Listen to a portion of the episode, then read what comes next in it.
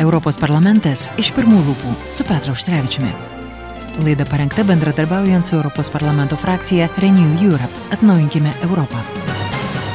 Sveiki, bičiuliai, studijoje prie mikrofono Liudas Armanovskas. Kaip girdėjote iš mūsų anonsą, mes kalbame su europarlamentaru Petru Auštrevičiumi. Labadiena, gerbiamas europarlamentarė. Geros dienos dukams. Nors daugelis ko gero galvoja tik tai apie atostogas, bet dėja, realus gyvenimas niekur jisai negali paleisti mūsų iš kasdienybės įvykių. Lietuva oficialiai pateikė prašymą prisijungti prie Ukrainos bylos prieš Rusiją dėl karo nusikaltimų. Vakarai pateko ko gero vėl į keblę padėtį dėl didelių energijos kainų, bet norėčiau pradėti galbūt nuo to, aktualių, kurios yra visai Europai aktualu. Gerbiamas Petrai, ar nematote, kad vėl tam tikra takoskyra atsiranda pačioje Europoje ir tam tikri santykių įtampos momentai atsiranda? Italijoje nebeliko premjero, Didžiojoje Britanijoje irgi premjerų kaita. Visą tai naudinga mūsų rytiniai kaimynė, o čia dar Vokietija su savo energetiniam problemom. Ar pavyks Europai išlikti vieningai? Kaip jums atrodo? Liūdai, mes visi žinome, kad vienybė tai yra stiprybės ir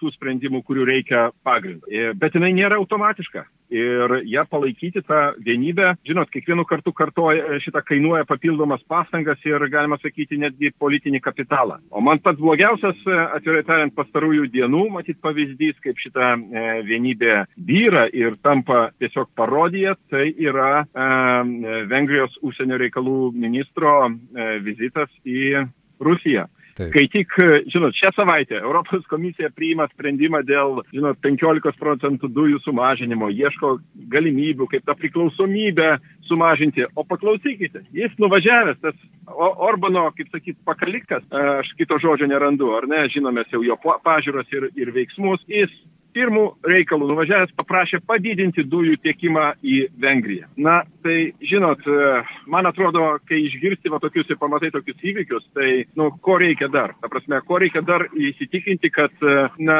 tikrai mūsų ta vienybė kartais yra tik tai popieriuje, o yra valstybės, kurios veikia atskirai ir mes žinom jų E, vardu šitų valstybių, bet dėje, bet tai tiesa. Bet tai, tos valstybės tai ne vien Vengrija, ko gero, Italija dabar neaišku irgi kokią poziciją užims prancūzai, kaip visada. Taip pat, ko gero, ieško vėl ilgų pokalbių su Putinu. Na, vokiečiai su savo energetika jau pradėjo kalbėti apie tai, kad tai pradedame mažinti energijos panaudojimą, nes neaišku, kas bus tą žiemą. Ar jums atrodo, kad iš tikrųjų tų išbandymų Europoje buvo ne vienas? 2015, ar ne? Atrodo, laikas bėga labai greitai. Prisimename milijonės migrantų migrantų krizę. Prisiminkime 90-us, kai euro krizė buvo, bet ši krizė ji yra kur kas pavojingesnė, kaip jums atrodo? Pavojingesnė, kadangi mes turim reikalų su e, sisteminiu priešininku. E, tą priešininką štai Madride susirinkę NATO vadovai labai aiškiai įvardijo, kad tai yra pagrindinis ir e, didėjantis e, priešininkas e, prieš vakarų bendruomenę tai ko atrodytų reikėtų labiau, kad tai tas dalykas mus sutelktų ir e, leistų imtis kažkokių tai bendrų veiksmų, bet e, taip nėra. Ir e, dėja, bet turime, turime, ką turime. Ir atvirai tariant, aš, aš manau, kad tas Europos netikrumas galbūt kai kuriuose veiksmuose yra irgi inspiruojamas būtent tos pačios Rusijos. Jūs pažiūrėkite, paskleisti gandai apie, e, kitaip sakant, ginkluotės e, e, nesaugumą e, Ukrainoje, kad jinai paskui grįžta čia į Europą ir panašiai, kad e, kalbos apie sankcijų neveikimą ir taip toliau. Na, Žinome, kaip e, tos valstybės propagandistai moka dirbti ir moka įtakoti e, europiečių galvas. Tai žinot, mes turime reikalų, ilgalaikių reikalų. Ir tiesą sakant, tos net mažos krizės, su kuriuom susidūrė anksčiau Europą, yra nepalyginama su ta e, rizika, kokia ateina iš Rusijos. Būkime atviri ir supraskime taip. šitos dalykus taip, kaip jie yra. Na ir e, ko gero, Europos komisijos išaiškinimai, ar ne, kurie vėl sukėlė audrą stiklinėje ir pačioje Lietuvoje, vėl pradeda virti vidinis politinis gyvenimas, priekaištai, kaltų ieškojimai, be jokios abejonės. Na, jie savo tikslų pasiekė. Jie savo tikslų pasiekė. Ir pasiekė, žinot kaip, tarp kitko, gazdinimais. Gazdinimais Taip. ir uh, iš ankstinių krizės uh, sukūrimu, uh, perspėjimu ir panašiai. Žinot, uh, tiesą sakant, uh, kai jie kalba tokiais uh, žodžiais ir grasinimais ir panašiai, nu, matot, vakarai yra pripratę racionaliai visą tą dalyką svarstyti. Jie mano, kad iš tikrųjų yra galimybė atsirasti tokiai kriziai, todėl uh, ir imasi kartais, aš sakyčiau, tokių nereikalingų veiksmų, kaip šiuo atveju dėl e, Kaliningrado tranzito. Bet kur čia viskas, ką viskas tai rodo? Tai rodo, kad atsiranda kažkokia tai nereikalinga kompromiso nuostata, ar ne? Taip. Atseit reikia ieškoti kompromisų su Rusija ir panašiai, suprasti Rusiją ir tada viskas bus gerai. Bet e, tai yra, vėlgi, žinant e, Rusijos veikimą, tai yra jos e, būdas silpninti Europos Sąjungą. Ir tiesą sakant, tas sprendimas dėl tranzito yra nevykęs.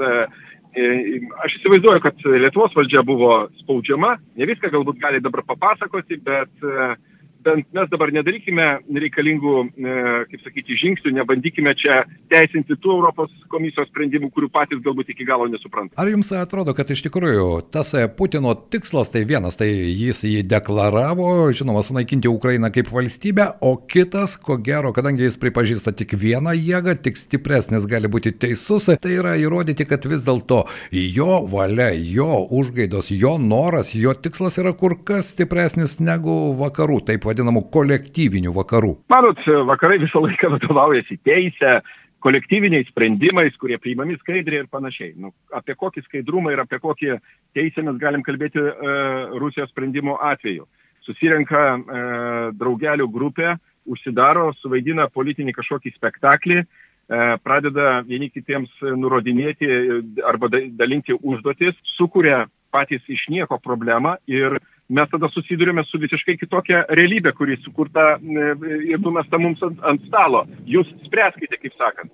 O žinot, vakarų tradicija yra į viską žiūrėti rimtai, viską apsvarstyti ir, ir įvertinti, kadangi yra nuomonių skirtumai, teisingai paminėjote tą pačią Italiją ar kitas e, valstybės, kurios toliau nuo Rusijos nelabai supranta šitą jos Rusijos, e, kaip skaiti, kūno kalbą vadinamą ir psichologiją, atsiranda silpnumo uh, ženklai arba nebūtinai pilnas supratimas, kartais paremtas ir ekonominiais interesais, todėl pat ir gaunasi tas ES laivelis ir gaunasi, kad mėtomas iš vienos pusės į kitą, ar ne? Ir nebūtinai Taip. mums e, pačia naudingiausia um, linkme. Petrai, su jumis norėčiau paleisti dar vieną temą. Tai 149 karo diena Ukrainoje, bet e, nepamirškime ir čia pat esančios Baltarusijos. Iš ten praktiškai, na, kiekvieną savaitę pasigirsta, aš suprantu, kad ten ta gazdinimo politika, jie Lukašenka yra perėmęs, be jokios abejonės tą metodiką naudoja, bet mes negalime to pamiršti. Jo lab, kad, na, štai ir požiūris pačioje Lietuvoje dabar, kai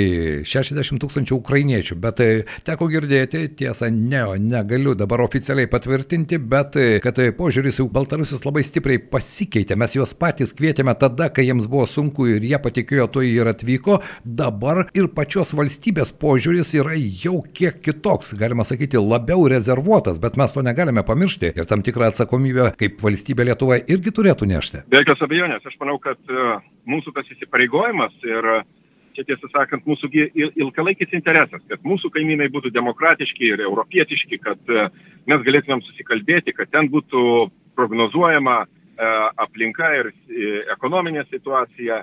Nu, kam kam, o lietuviams matyti nereikia aiškinti apie Baltarusijos čia svarbą ir mūsų tos istorinius ryšius ir kitus dalykus, bet, žinot, kai atsiranda dar didesnė bėda, taiga pasirodo, kad, na, ne viskas taip yra visiems aišku ir panašiai. Todėl, na, atsiranda e, tų įtampų. Man teko pačiam girdėti, kad e, Baltarusių, pavyzdžiui, verslininkams dabar yra sudėtingiau e, gauti tuos e, e pastovius e, leidimus e, gyventi ir dirbti Lietuvoje ir panašiai. Ir veltui, aš manau, kad čia yra visiškai e, nepagristas dalykas, kadangi vienas dalykas, e, žinot, su Lukašenka per dieną ar per pusmetį mes ne, nei susitvarkysim nei ką, nei mes tiesą sakant ir tvarkysimės. Čia yra Baltarusių reikalas. Bet Jeigu mes manome, kad jiems dabar galima atsukti nugaras, mes, žinot, duodam labai blogą signalą. Patys skatinam, patys uh, patarinėjam, o kai reikia padaryti konkretų sprendimą, na, šiek tiek, e, sakyčiau, pasielgiam nenatūraliai e, blogai. O kodėl jūsų nuomonė taip įvyksta? Kodėl? Nes, e, sakau,